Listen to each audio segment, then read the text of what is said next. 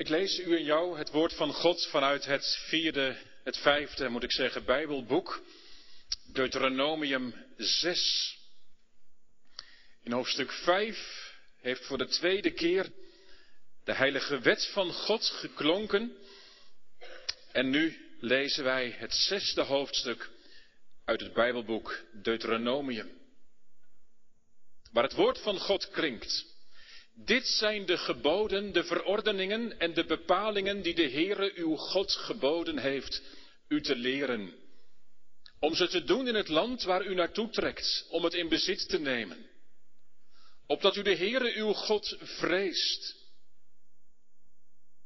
Door al zijn verordeningen en zijn geboden die ik u heden gebied in acht te nemen. U, uw kind, uw kleinkind, alle dagen van uw leven en opdat uw dagen verlengd worden. Luister dan, Israël, en neem ze nauwlettend in acht. Dan zal het u goed gaan en zult u zeer talrijk worden. Zoals de Heere, de God van uw vaderen, tot u gesproken heeft, in het land dat overvloeit van melk en honing. Luister, Israël, de Heere onze God, de Heere is één. Daarom zult u de Heere, uw God, lief hebben, met heel uw hart, met heel uw ziel, met heel uw kracht. Deze woorden die ik u heden gebied moeten in uw hart zijn. U moet ze uw kinderen inprenten en erover spreken als u in uw huis zit, als u over de weg gaat, als u neerligt, als u opstaat. U moet ze als een teken op uw hand binden en ze moeten als een voorhoofdsband tussen uw ogen zijn. U moet ze op de deurposten van uw huis en op uw poorten schrijven. Wanneer het dan gebeuren zal dat de Heere uw God u gebracht heeft in het land dat hij uw vaderen Abraham, Isaac en Jacob gezworen heeft u te zullen geven. Grote en goede steden die u niet gebouwd hebt, huizen vol van allemaal kostbare dingen waarmee u ze niet gevuld hebt, uitgehakte putten die u niet uitgehakt hebt, wijngaarden, olijfgaarden die u niet geplant hebt. En als u dan gegeten hebt en verzadigd bent, wees dan op uw hoede dat u de Heere die u uit het land Egypte, uit het slavenhuis geleid heeft, niet vergeet. U moet de Heere, uw God, vrezen, hem dienen en bij zijn naam zweren. U mag niet achter andere goden, de goden van de volken die rondom u zijn, aangaan. Want de Heere uw God is een naijverig God in uw midden. Anders ontbrandt de toren van de Heere uw God tegen u en vaagt hij u weg van de aardbodem. U mag de Heere uw God niet op de proef stellen, zoals u hem bij Massa op de proef gesteld hebt. U moet de geboden van de Heere uw God, zijn getuigenissen en verordeningen, die hij u geboden heeft, nauwgezet in acht nemen. U moet doen wat juist en goed is in de ogen van de Heere, opdat het u goed gaat en u er komt en het goede land dat de Heere uw vaderen onder ede beloofd heeft, in bezit neemt, om al uw vijanden van voor uw ogen te verjagen, zoals de Heere gesproken heeft. En wanneer uw zoon of uw dochter u morgen vraagt, wat zijn dat voor getuigenissen, verordeningen, bepalingen die de Heere onze God u geboden heeft? Dan moet u tegen uw zoon zeggen, wij waren slaven van de farao in Egypte. Maar de Heere heeft ons met sterke hand uit Egypte geleid. En de Heere gaf tekenen en wonderen, groot en onheilbrengend in Egypte, aan de farao en aan zijn hele huis, voor onze ogen. Maar ons leidde hij daar vandaan, om ons hierheen te brengen en ons het land te geven dat hij onze vaderen onder Ede had beloofd. En de Heere gebood ons al deze verordeningen te houden, om de Heere onze God te vrezen, ons ten goede, alle dagen, om ons in leven te houden, zoals het op deze dag is.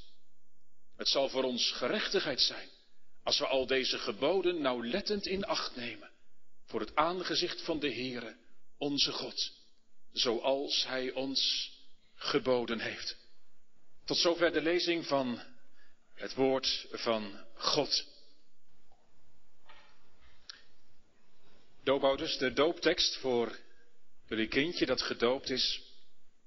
Gemeente, de tekst voor de prediking vanmiddag vindt u in het eerste deel van vers 13 van Deuteronomium 6. Deze woorden, de Heere uw God, moet u vrezen. Drie korte vragen. Wie, wat, hoe? Wie? Nou staat hier de Heere uw God. Wat? Vrezen. Hoe dan? Nou, daar is heel dit hoofdstuk vol van. Ik hoop een paar aspecten te noemen. Maar dat is niet uitputtend.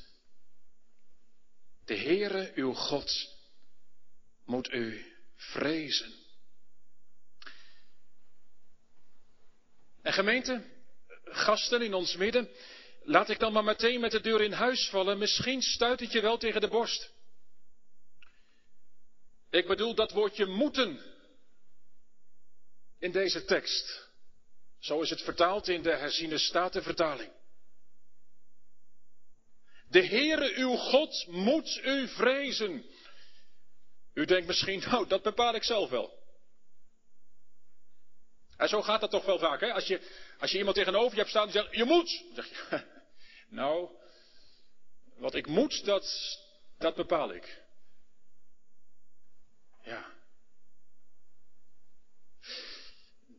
Er zijn nogal wat mensen die zijn afgeknapt op de kerk. En als je daarover doorpraat, misschien herken je het wel, dan hoor je nog wel eens zeggen, ja we moesten zoveel hè, vroeger. Ik ga het nu even niet invullen, dat moet u zelf maar doen. We moesten dit en we moesten dat. En moeten, dat stuit me tegen de borst. Ja, en tegelijk, er zijn ook momenten dat dat woordje moeten toch heel anders klinkt. Ik moest denken aan, ehm, aan de situatie in Oekraïne. En misschien heb je die beelden ook wel gezien, dat Oekraïense militairen eh, zo'n dorpje doorgingen. En, en de Russische opmars die was steeds dichterbij. En ze zeiden tegen die mensen die er nog achterbleven, u, u moet nu wel gaan hoor. U moet nu wel echt vertrekken. Uit dit dorp. Dat moet u doen.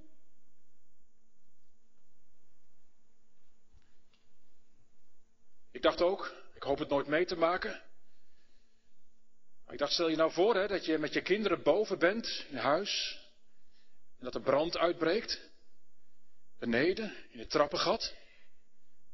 Ik sta met mijn kinderen boven. Voor het raam. En er staat iemand beneden of een paar mensen beneden die willen wel opvangen.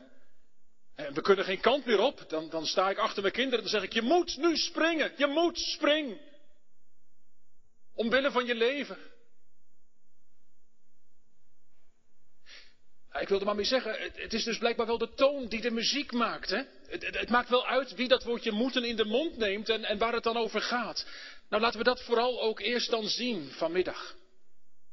De Heere uw God moet u vrezen. De Heere uw God. Weet, ik zei het al een paar keer op die manier. In de grondtekst, welke vertaling u ook voor u hebt, maar in de grondtekst staat dat vooraan. Er staat niet u moet, maar er staat de Heere uw God. Moet u vrezen. De Heere uw God. En, ja, als je meegelezen hebt net, dan, dan hoorde je dat veel vaker in dit hoofdstuk. En, en trouwens ook hiervoor en hierna. Vers 1, daar klinkt het al, de Heere uw God. Vers 2 klinkt het weer, de Heere uw God. Keer op keer. En dat heeft Mozes, de schrijver van dit Bijbelboek, en die ook aan het woord is trouwens hier naar het volk Israël, heeft dat niet zelf bedacht. Die naam, die namen, de Heere uw God. Nee, dat heeft hij van God zelf. Misschien weet u dat. Jij denk ik ook wel. Eh, Exodus 3, waar, waar God zich aan Mozes bekend maakt bij die brandende braambos, die brandende braamstruik. En dan dan klinkt dat, dan, dan, stelt God zichzelf voor. Kom er zo nog even op. Want later klinkt het nog veel duidelijker bij de wetgeving. Elke zondagmorgen, bijna elke zondagmorgen horen wij de heilige wet van God uit Exodus 20 of uit Deuteronomium 5. En dan begint dat altijd met, ik ben de Heere, uw God. hey, dus die woorden die hier staan in, in onze tekst, de Heere uw God, die komen bij God vandaan. God heeft gezegd, ik ben de Heere uw God. Zo stelt God zich aan zijn volk Israël voor. Met die naam Heere. Ik splits ze even uit. Heere, Heere, Jabé. Ik zei het al, bij Mozes, bij die brandende braamstruik. Daar had God zich met die naam Heere bekendgemaakt. God was daar aanwezig. Mozes moest de schoenen van zijn voeten doen. Die plek was heilig omdat God er was. En toen zei God, ik zal zijn die ik zijn zal. Dat is eigenlijk de betekenis van die korte naam Heere hier in onze tekst. Of ook wel, ik ben die ik ben. Ik ben erbij. Ik ben er. Weet je, daar klinkt iets in door van Gods majesteit, van zijn grootheid, van zijn glorie. Ik ben die ik ben. Ik ben niet zoals jullie. Ik ben die ik ben. Maar er klinkt ook iets in door van Gods nabijheid. Van zijn trouw. Hoor maar. Ik ben die ik ben. Je kunt op me aan. Je kunt volkomen op mij aan. Ik ben erbij. Gemeente, dat zit allemaal in die naam Heere hier in onze tekst. Eh, het wordt ook wel Gods verbondsnaam genoemd. De naam waarmee God zich verbonden heeft aan zijn volk. En dat maakt die naam ook zo betekenisvol in een doopdienst, doopouders. Want de doop is teken en zegel van Gods verbond. God legt verbinding met jullie en met jullie kindje. Nou, dat zit dus in die naam Heere. En, wat staat er dan meteen bij? De Heere, uw God. Dat is precies wat God dus gezegd had hè, tegen Mozes en tegen het volk van Israël. Ik ben de Heere, uw God. En hier zegt Mozes dat na. Als hij het volk aanspreekt en aanmoedigt en oproept. De Heere, jullie God. De opouders voelt dat echt, hè. Het gaat dus niet over een God op afstand, ergens hoog en droog in de hemel. Je moet dit. Nee, nee, nee, nee. Nee, nee het is uw God. Het is jouw God. Het is de God van je kind. Zo heeft God zich verbonden. De Heere uw God. En hoe heeft hij zich dan verbonden aan zijn volk Israël? Nou ja, eigenlijk zou je wat verder moeten lezen nog. Ik wijs het nu maar gewoon alleen aan. Eén hoofdstuk verder, hoofdstuk 7, vers 6 tot en met 8. Daar staat hoe God zich verbonden heeft aan het begin van vers 8 in hoofdstuk 7. Hoort u maar. Vanwege de liefde van de Heere voor u. Gemeente, dat is wat hoor. Vanwege de liefde van de Heere voor u. Daarom heeft God zich verbonden aan zijn volk Israël. Dat is pure liefde. En wat heeft God dan gedaan? Nou ja, weer even terug naar wat ik net al noemde, de aanhef boven die tien geboden. Hoe klinkt dat? U kent het wel. Ik ben de Heere uw God. En dan? Die u uit het land Egypte, uit het diensthuis uitgeleid hebt. Dus God heeft verlost. God heeft bevrijd. Dat is wat God met zijn volk gedaan heeft. Dat is ook de situatie hier in Deuteronomium 6. Pure liefde van God. Pure ontferming van God. Volk van Israël, denk daaraan. Besef waar je vandaan gehaald bent. Besef dat je vastzat in gevangenschap, in slavernij, in Egypte. Ik heb je lief gehad. Met een eeuwige liefde. Ik heb je uitgeleid uit dat slavenhuis. Ik heb je verlost. Ik ben de Heere, uw God. Gemeente, even pas op de plaats. In een doopdienst vanmiddag. Want laat dit nou de machtige verkondiging zijn in de heilige doop. De Heere uw God. Dat is hoe God zich bekend maakt, ook vanmiddag aan u, aan jou, zoals je hier gekomen bent. Ik ben de Heere uw God, die u uit de slavernij van de zonde heeft bevrijd. Doopouders, werkelijk. Daar heb je toch net ja op gezegd? Dat wij met onze kinderen van nature, vanuit onszelf, gevangen zitten. Gevangen zitten in de zonde. Zelfs dat verschrikkelijke woord klonk net een paar keer, maar, maar dat is wel een Bijbels woord, dat staat in de Bijbel. Dat, dat, wij vanuit onszelf aan, aan de verdoemenis onderworpen zijn. Dat is het uitgangspunt, dat is de verschrikkelijke werkelijkheid. Als wij in zonde ontvangen en geboren worden, daar kun je, daar kun je niet mooi over praten. Hè? Ik, kan er ook echt niks moois over zeggen hoor. Dat moet u niet van mij verlangen. Dat kan, dat kan niet. Dat kan de Bijbel ook niet doen. Dat doet de Bijbel ook niet. Dat is, dat is dat brandende huis waar ik het net over had. Hè? Dat is die dodelijke ziekte die, die, die in ons zit, die we van huis uit meekrijgen. Verstaan we goed, doopouders, we hebben het erover gehad. Niet omdat die kleine babytjes nou zoveel verkeerde dingen doen. Kleine babytjes doen geen zonde. Zo moet je dat niet gaan zeggen. Maar het zit er wel in. Het komt er ook wel uit. En dat komt door die vader en door die moeder. Wij zijn het probleem. Maar nu, maar nu. Nou werd het vanmiddag ook wel zichtbaar hè, in het water van de doop. Toen, toen ik die vragen aan jullie moest stellen, toen, toen klonk daar meteen bij dat onze kinderen toch in Christus geheiligd zijn. Dat God er iets aan heeft gedaan. Wat zeg ik? Dat God er alles aan doet uit pure liefde. Let wel, uit pure liefde. Hij heeft jullie gebracht binnen zijn verbondsgemeente en je kind erbij. En de Heere zegt het, hij laat het verkondigen vanmiddag. Ik ben de Heere, uw God. In Jezus Christus ben ik, ben ik in jullie verlorenheid afgedaald om je voor eeuwig te bevrijden. Voor eeuwig te verlossen. Jou en je kinderen. Jezus Christus is een volkomen verzoening van al je zonden. Hij is de bevrijder. De verlosser. Hoe klonk het net? Ik doop u in de naam van de Vader. Dat wil zeggen, die hemelse Vader, die neemt je aan tot zijn kind. Pure liefde. Ik doop u in de naam van de Zoon. Dat wil zeggen, je wordt gewassen door het geloof in dat bloed van de Heer Jezus Christus dat reinigt van alle zonden. Ik doop u in de naam van de Heilige Geest. Dat betekent, Hij wil in je hart werken, in het hart van je kind. Hij wil je aan Christus verbinden. Hij wil je dagelijks vernieuwen. Dagelijks vernieuwen. En dat doet hij door het woord. Hè? Dat woord is het middel van de geest. Door dat woord heen wil hij dat vernieuwende werk ook vanmiddag in je leven doen. Doopouders, kom. Wat een God. Wat een God. De Heere uw God, zegt de tekst. En vanuit het geheel van de Bijbel mag je zeggen, dat gaat over de drie enige God. Over de Vader, over de Zoon, over de Heilige Geest. Hij heeft zich aan zijn volk Israël verbonden, jazeker.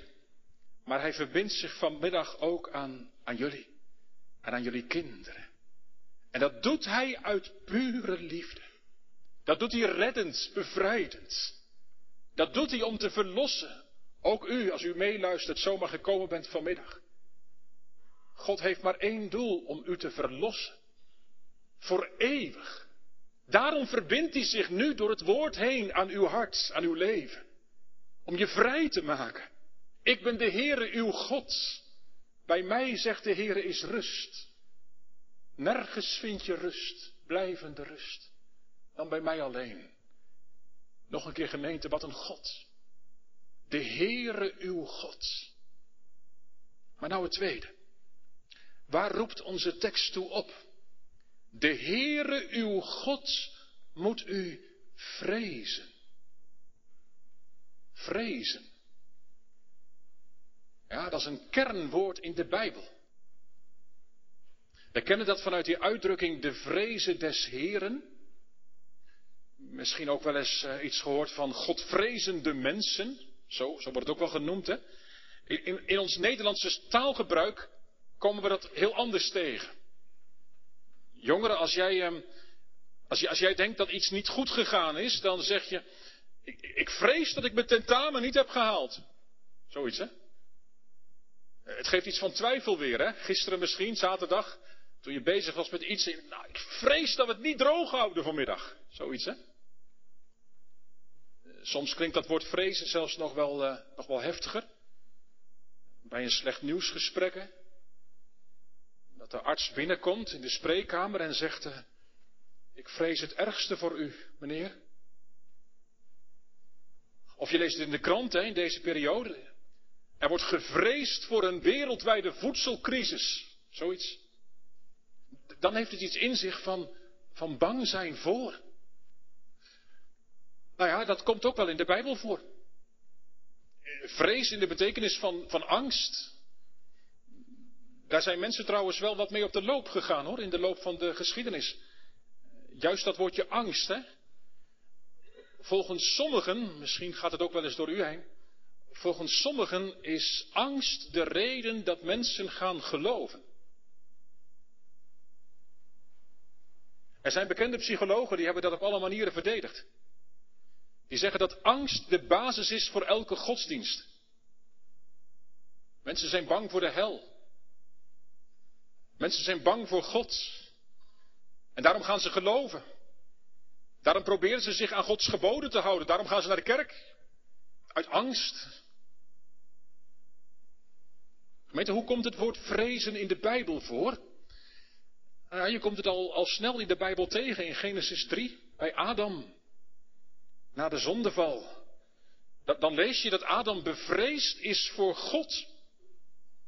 God roept Adam als hij zich verstopt. Adam, waar ben je? En die gedachte om God onder ogen te moeten komen, die maakt Adam bevreesd. Zo lezen we, Genesis 3. En je komt dat veel vaker tegen in de Bijbel. De vrees bij mens die in aanraking komt met God, of soms ook met Gods grote daden. Je leest het bij Mozes, waar ik het net over had, hè, bij die brandende braamstruik. Dan lees je dat ook, dat Mozes vreest, vreest. Je leest het bij de Israëlieten, bij de afkondiging van de heilige wet, als er donderslagen zijn en bliksemstralen, en dan, en dan, dan vreest het volk, staat er. Je komt er tegen als, als Jezaja tot profeet geroepen wordt. Jezaja 6. Als hij iets van de heiligheid van God te zien krijgt, dan, dan vreest hij voor God. Je komt het ook in het Nieuwe Testament tegen. Bij de geboorte van de Heer Jezus en bij zijn opstanding, als die engelen daar opeens zijn en, en die mensen die daar dan komen, dan, dan staat er dat ze vrezen met grote vrees. Gemeente, kortom, je komt het door heel de Bijbel tegen. Vrees voor God, ja, het kan angst betekenen als God verschijnt. Maar gemeente, en hoor dat goed, doopouders. Overduidelijk is vanuit de Bijbel dat het God daar niet om te doen is. Om angst. Ja, er is wel reden voor angst. Als je Gods liefde en genade, als je zijn woord en het sacrament van de doop veracht. Dan komt er een dag, staat in de Bijbel, dat je gaat roepen, bergen valt op ons. Heuvelen bedekt ons voor de toren van God en van het lam. Dan zul je vergaan van angst. Maar, maar nu, zolang je leeft, nee, nee, nee, nee, nee. Nooit is het God doen om, om angst te kweken. En voor ons als gemeente, doopouders voor jullie, in de prediking voor mij, of, of jullie als je met je kinderen praat hè, over de Heere God, nooit mag je daarbij angstig maken. Voor God of voor zijn toekomst. Het staat zo vaak in de Bijbel dat, dat als iemand dan bevreesd is, als hij met God in aanraking komt, dat de Heer meteen zegt, vrees niet. En dat betekent dan wees niet bang. Wees niet bang. Als God verschijnt, gemeente, ook vanmiddag in de prediking van het woord, in het sacrament, dan is dat omdat hij zijn genade wil bewijzen. Dan is dat enkel en alleen omdat hij uit pure liefde redden wil. Zo lief had God de wereld, dat hij zijn enige zoon gegeven heeft. Zo lief had God jullie. Doopouders, wil je het geloven? Zo lief heeft God je kind, dat hij je hier wilde hebben, om het teken en zegel van de heilige doop te geven, opdat je vast en zeker zijn liefde zou geloven. Zo lief heeft God. Geen angst dus. Wanneer je Jezus als heiland, als koning mag leren beleiden, dan moet de angst wijken. Dan komt er liefde voor in de plaats. Bij Johannes staat dat in 1 Johannes. Er is in de liefde geen angst. Want de volmaakte liefde drijft de angst weg. Geen angst. U zegt, ja maar hou eventjes, de tekst van de preek. U moet de Heere uw God vrezen. Wat is dat dan? Gemeente, ik vat het met drie woorden samen. Eerbied, vertrouwen en ontzag voor de Heer. Eerbied, vertrouwen en ontzag. Eerbied en ontzag, omdat God zo groot is. Je schepper, de schepper van je kindje. Zo ontzagwekkend groot. Hij is de God die alles regeert. Hij is ook degene tegenover wie ik schuldig sta.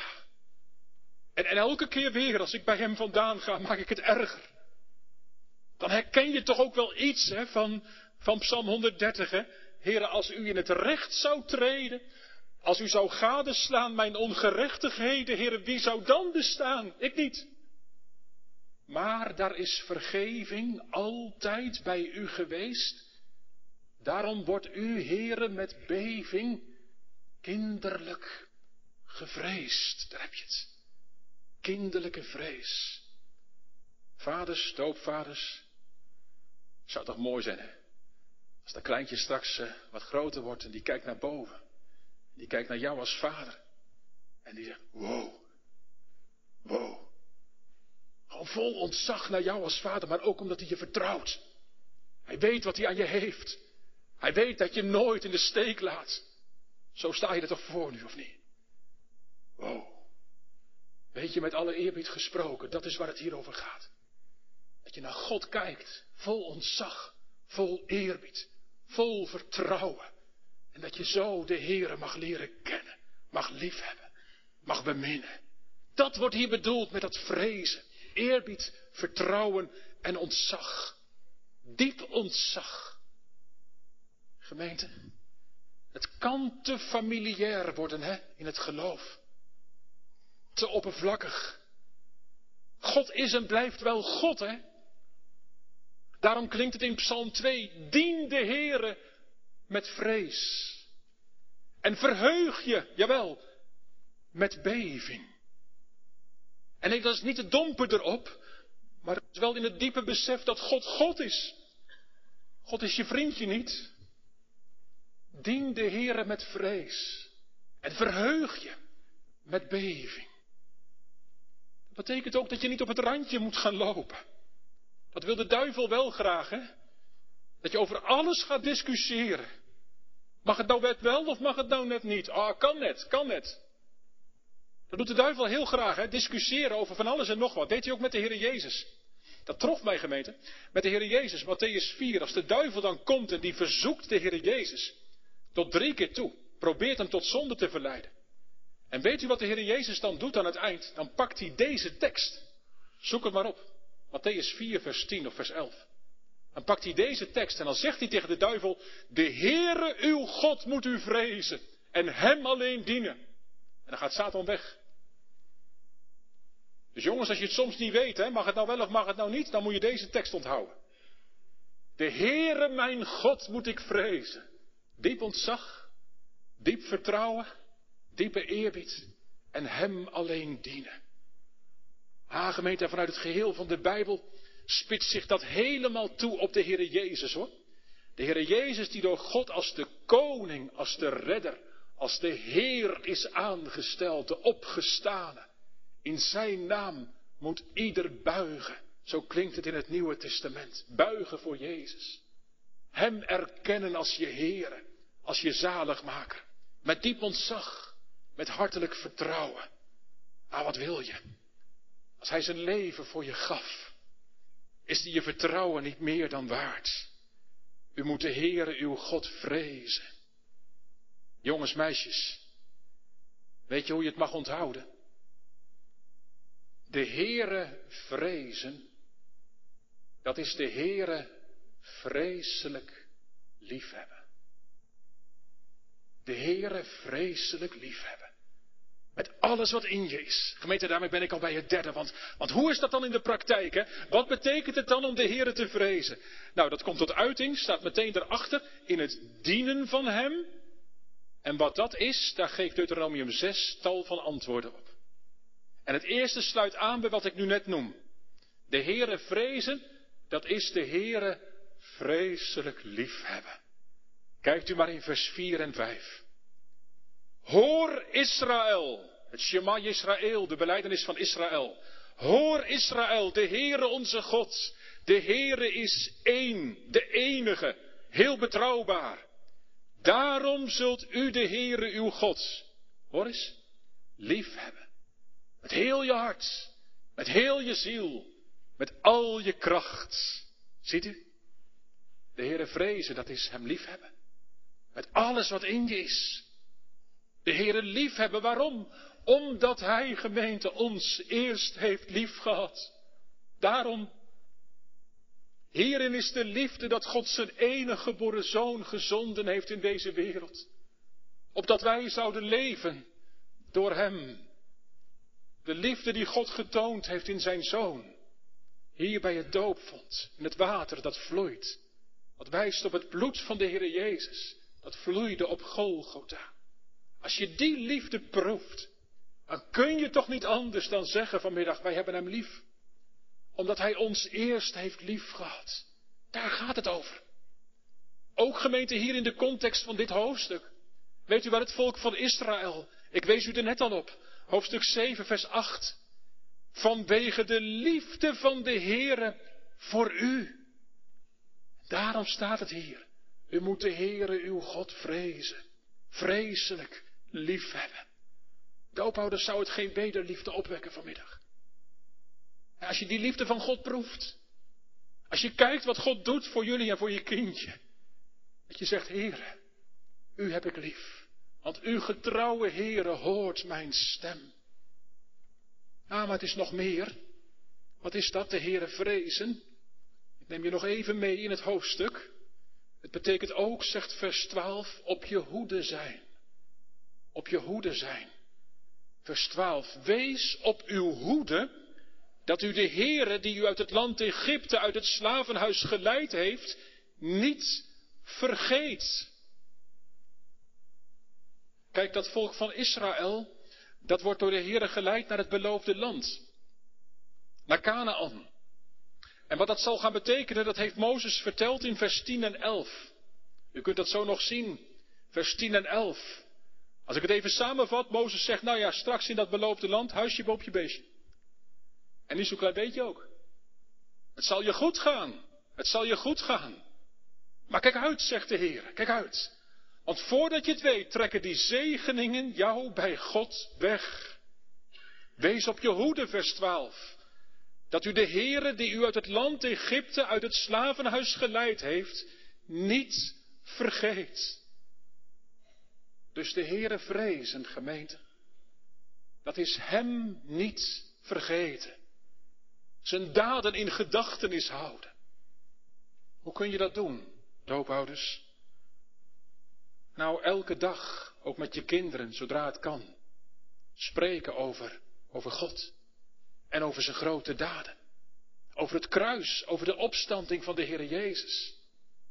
Maar ook met je kind, zodra dat kan, praten over de doop. Over wat er vandaag is gebeurd. Pas op dat je de Heer je God niet vergeet. Heel concreet, hè? Kijk maar in vers 7 en verder. Daar, um, daar wordt gesproken over inprenten. Nee, dat moet u niet verkeerd, verkeerd opvatten. Niet, niet erin stampen. Alsof dat iets is van je mut. Maar, maar wel inprenten. Voorleven. Eh, psalmversjes leren, bijbelteksten leren. Laat je kind weten wie de Heere is. Dat hè, overdag en s'nachts, in huis en buiten huis. Pas fietste ik zo een moeder tegemoet die met een kind fietste. En ik hoorde zo vertellen, ja dat is de Heere God die, dat is het. Waarom niet als je kind van vijf dan je vraagt en je fietst onderweg? Gewoon vertellen over wie de Heere is. Vertellen als dat kan, als dat past. Met er valt veel meer over te zeggen natuurlijk. Dat kan niet allemaal vanmiddag. We hopen als ouders van jonge kinderen in het najaar twee avonden bij elkaar te komen. Noteer je het? 5 en 19 oktober. Welkom. En heel concreet voor nu. Hoe kun je het praktisch invullen? Ik heb het vaker gezegd, hè? Hang die doopkaart op een zichtbare plek. En als je kind wat groter is, kijkt je kind ernaar, wijst hij ernaar. Trouwens, 26 juni, de kalender. In de agenda, volgend jaar, doopverjaardag van je kind. En als wat, wat verder is, misschien volgend jaar nog net niet helemaal, maar als het iets verder is, laat, laat ze het eten maar uitkiezen. En zet die doopkaart neer op tafel. En, en leg Deuteronomium 6 open. Lees het voor, een stukje de eerste keer. En als ze kunnen lezen, laat ze zelf lezen. Pas op dat je de Heere je God niet vergeet. Inprenten, daar gaat het over. Heel nadrukkelijk staat het in vers 20 en 21. Doopouders, als uw zoon of uw dochter u morgen, volgend jaar, over vier jaar, vraagt, wat zijn dat voor getuigenissen, verordeningen, bepalingen die de Heere onze God u geboden heeft? Dan moet u tegen uw zoon, dochter zeggen, wij waren slaven van de farao in Egypte. Wij zaten vast in de zonde. Maar God heeft ons uitgeleid om ons hier te brengen, hier in de kerk, onder het woord, bij de Heer Jezus. Doopouders, pas op. Ouders in ons midden, jong en ouder, opa's en oma's, pas op. Dat u de Heere uw God niet vergeet. Vers 14 en 15. Ga niet achter andere goden aan. Waak ervoor dat je je hart niet geeft aan iets of iemand anders dan God alleen.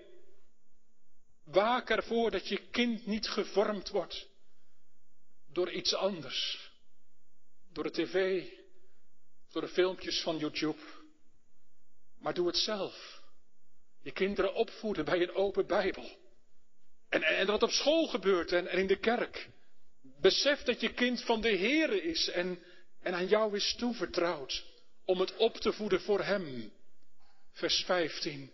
Want de Heere uw God is een naijverig God in uw midden. Let wel, in uw midden. Hij is er altijd bij. Hij heeft het in de gaten als je hem naar de kant van je leven duwt. Of zelfs over de rand. Vaders en moeders, wees je bewust van je verantwoordelijkheid. Vers 15b. Anders ontbrandt de toren van de Heere uw God tegen u en vaagt hij u weg van de aardbodem. Gemeente, echt hoor. Het gaat wel ergens over, hè? God speelt geen spelletje met ons. Hij neemt ons heel serieus. Jullie ja-woord, ouders, is een belofte. Een eed voor God. We hoorden het uit het doopformulier. Je bent verplicht. Vanuit deze liefde hoor. Om je kind op te voeden voor de Heer. En voor zijn dienst. Gemeente, dan begrijpt u toch wel de ernst in dat woordje moeten. Ik begon de dienst ermee. De Heere uw God moet u vrezen, omdat je leven ervan afhangt. Dat geldt hier ook. Hè. Heb eerbied, heb vertrouwen, heb ontzag voor God, altijd en overal, jongeren. Je zult er goed mee zijn. Doopouders, zie het grote wonder van de doop. Zie de onbegrijpelijke liefde van God daarin, die zijn zoon gaf om zondaren te redden. Hij roept het jullie toe, met jullie kind. Ik ben de Heer, uw God. Heb God lief. Heb Christus lief. Amen.